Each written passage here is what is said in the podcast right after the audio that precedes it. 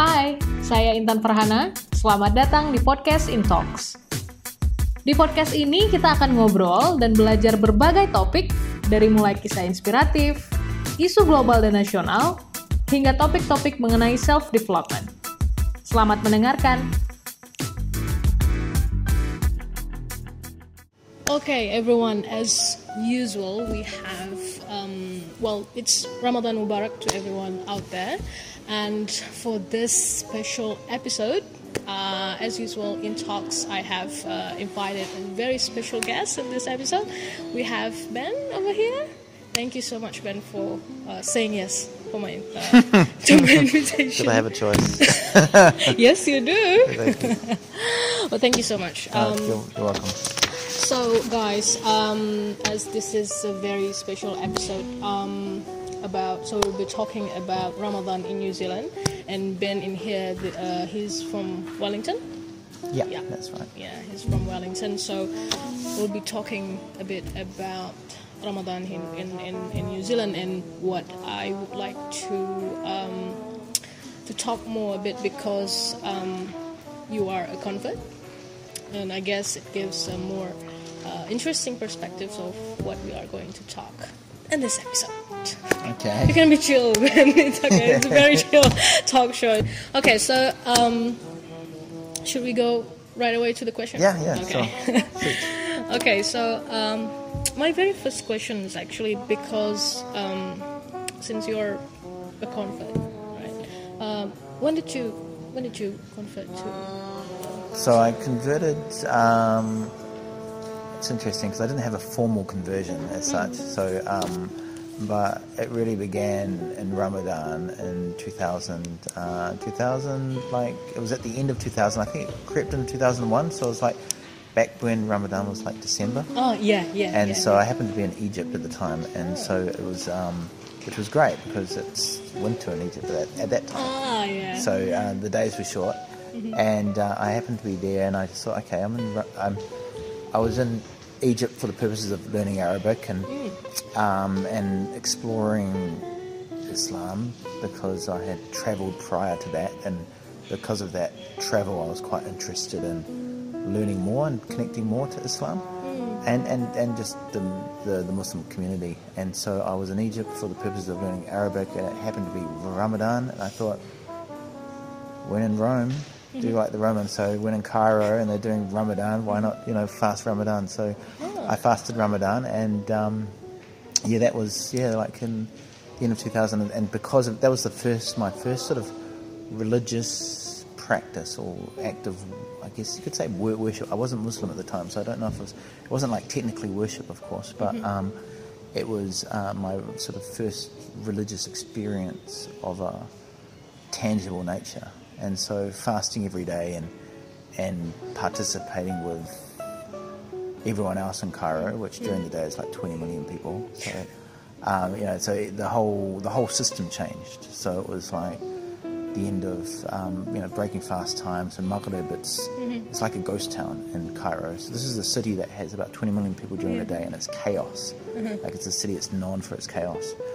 Uh, and then at Maghreb time, it's like a ghost town. There's nobody there on the streets. yeah, yeah. And so, yeah, for, for me, that was quite, uh, it was an interesting experience. Like, you know, I've lived overseas in different parts of the world, but I hadn't experienced that. Oh, I see. Yeah, and I've always been told, like, don't, like, don't travel in Muslim countries during Ramadan. It's not, you know, not the best, best time to go traveling. But it was an amazing time. And, you know, they, they, they put out the tables and welcome people on the Yeah. streets. So outside restaurants, they'd all, you know, they set up the iftar tables Yeah, yeah. and they beckon people to come and join them Yeah, for breaking the fast. And so, um, yeah, I found it an amazing experience, really. Oh, so um, it was your so when you converted to Islam in 2000, it was your you fasted for the first time as well So I fasted prior to conversion, yeah. So prior to the conversion. Yeah, so I was just, I was, I wanted to experience what it was like to be in a Muslim country, and at that time they were fasting during Ramadan, and so the first few days I didn't fast um, because I got like picked up by my mates, and I was like non-Muslim mates, and I was sort of just, I wasn't too sure exactly what I was doing in Cairo. I wanted to learn Arabic, and this is sort of back when the internet was pretty early on. So there were some websites, but there wasn't really that much information about learning Arabic, and I wasn't too sure where I was going to study.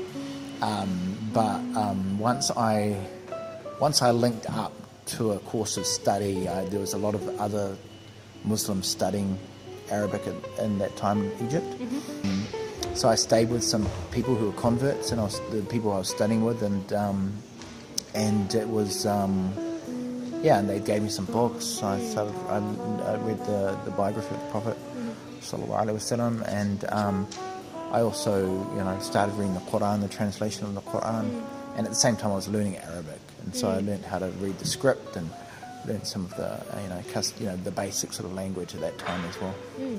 I see. So, um, when because you said that you fasted prior to your confession, and it was like um, I heard some stories that for converts, um, they tend to practice uh, to to fast in Ramadan first um, before learning how to pray. Before practicing. Well, yeah, like the, I guess in my situation, um, because I did experience that, uh, I, I, don't, I wouldn't say it's a general rule, but one of the great things is about Ramadan and fasting is that you don't have to learn anything. You don't have to learn how to do something. You don't have a formulaic sort of way of fasting. You just have to withhold from food. So anyone can anyone can fast. So we can, Yeah.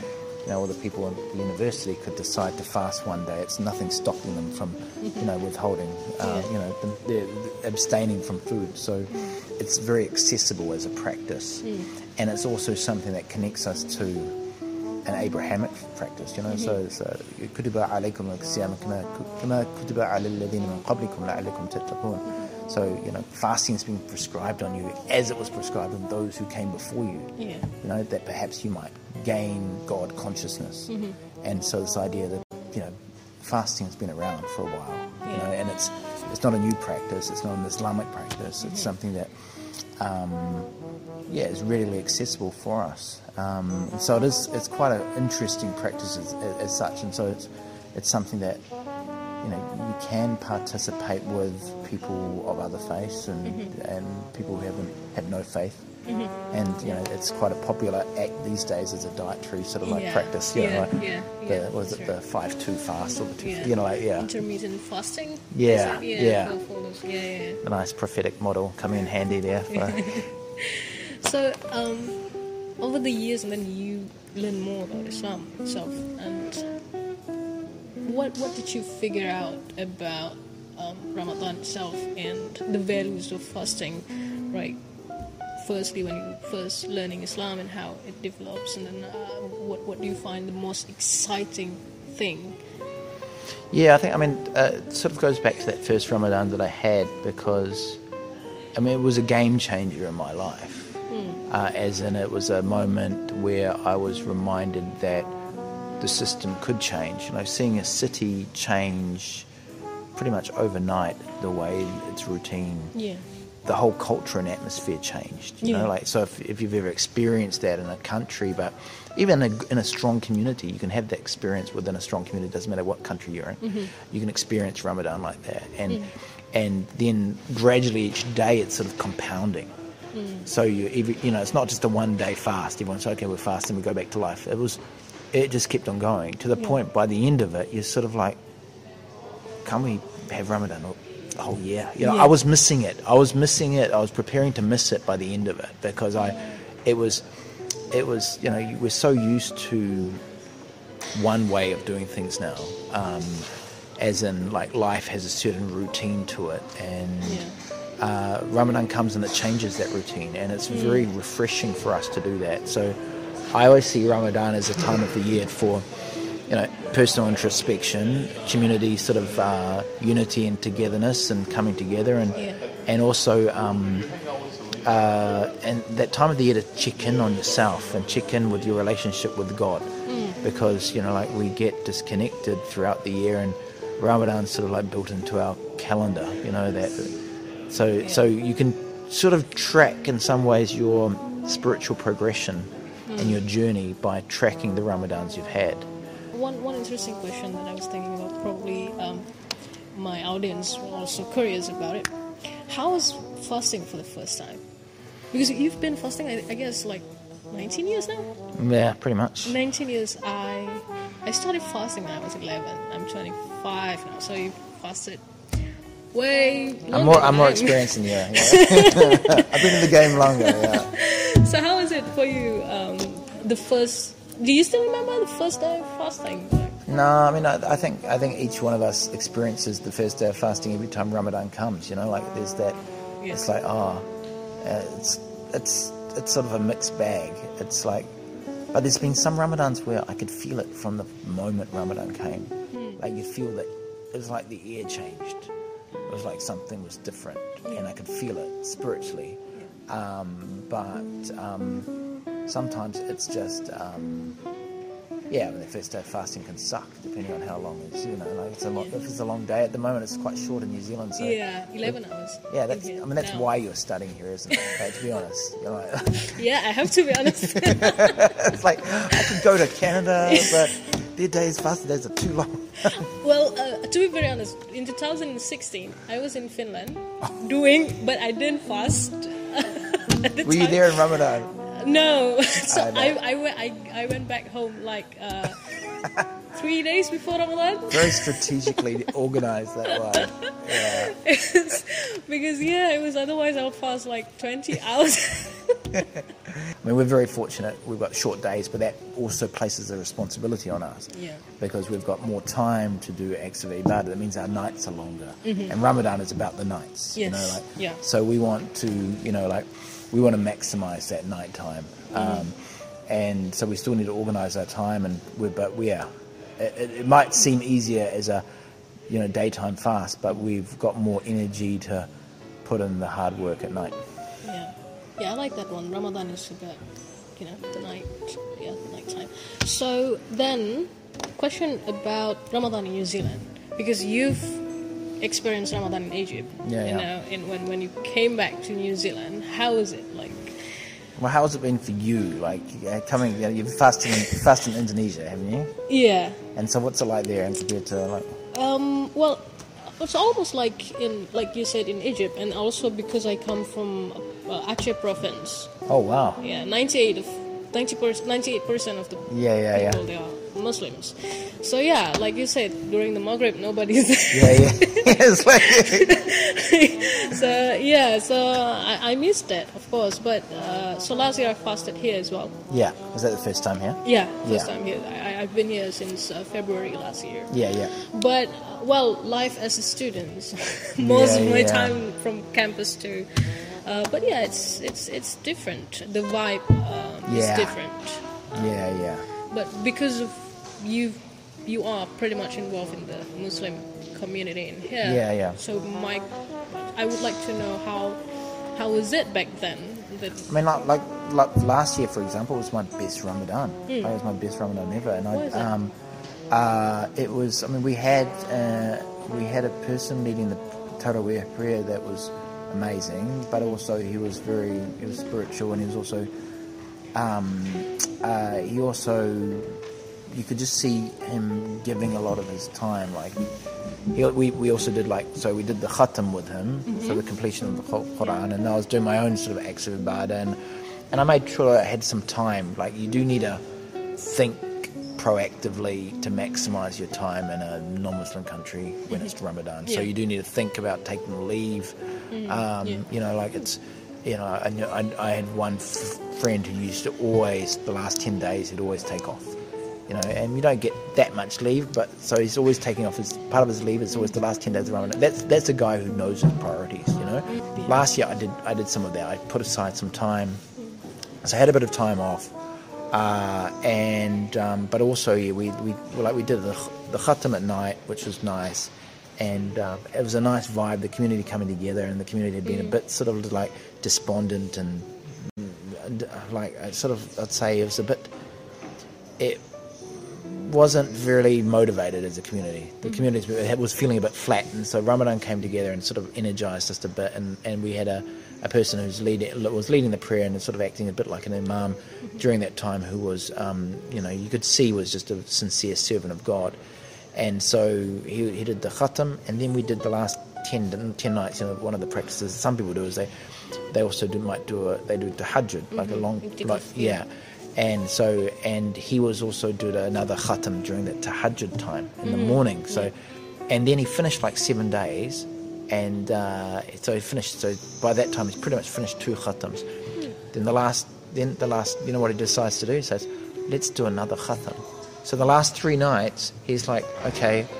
Like, it was subhanAllah, I've never experienced this anywhere in the world. So I experienced this in Wellington, New Zealand, and so it's like it's, it's a reminder to us all that you know we can we can experience like uh, we, we we can experience the sweetness of this religion no matter where we are. Also, I'm curious about the Islamic community, the Muslim community in here, um, because because of like the events um, last month in uh, Christchurch in Yeah, yeah. March, then we somehow as Muslims community become stronger in here. Well, the way I say it, because it's more exposed in the media. Yeah. Um, and and how was it like back then?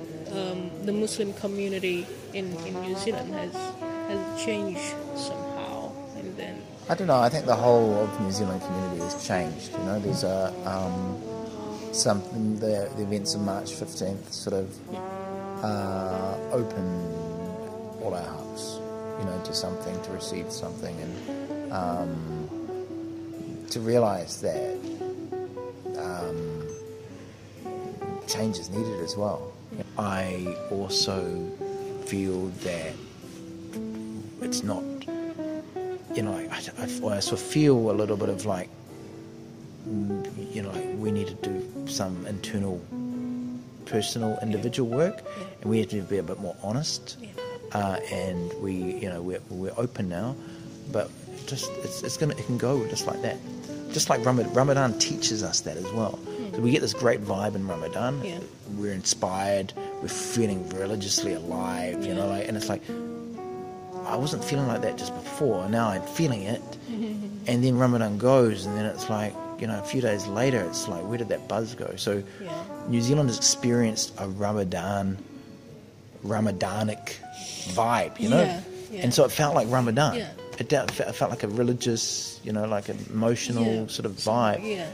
And it felt like we shared it. It felt like we all shared Ramadan together. Hmm. And then, but now it's sort of like it's fading yeah, now the real Ramadan's coming, and how many of us are actually ready to receive it? Many of us are tired, you know, like many of us are sort of like emotionally spent, and so I don't know. I mean, we can see a lot, we can learn a lot from our tradition for these sorts of things. Like we can, we can look at the seerah of the Prophet Sallallahu like what would he do in this sort of situation? Is this a time for da'wah and you know and, and reaching out, or is this a time for sort of like that um, tafakkur and introspection? Do we need to really go inward now? You know, just like he did during that you know that, that first Ramadan. You know, and, and then he then the revelation came. Or is this you know like I mean, is this you know Battle of Badr was in Ramadan as well? You know, like, like we say, what type of Ramadan are we supposed to be doing right now? You know, like, and and that was what, what I was talking with my friend about. Um, we ourselves in Islam, uh, Muslim community, which somehow we're not really united. yeah, yeah. Even like in in, in, in Indonesia, like just take an example, um, within ourselves, we fight each other. We're very good. Muslims are very good at fighting with other. so just because we have some differences, Yeah, and yeah. like you said, so that's somehow a bit. Yeah, for me, yeah, that's a bit. Yeah, I'm a bit sad about that. Yeah, yeah. Yeah. The youth seem to be a bit more open to getting over those sorts of things. So it's important that the youth. I mean, I think uh, this is one of the messages I've been saying within my community is that you know a community is really alive. Uh, I mean, the community properly functions when you've got those. You've got youth present. Yeah. You've got the, you know the youth are the engine, the driving force, the energy that needs to drive this. But you need the elders there to give the wisdom and the guidance. Yeah. Um, and you need that you know that middle ground, which I guess I'm part of, is just to sort of like do that sort of in, in between as well, that bridge builder.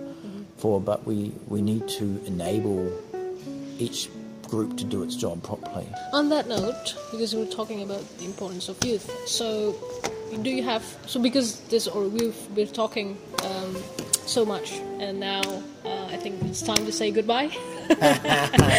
so, do you have some message to my friends out there um, about Ramadan stuff?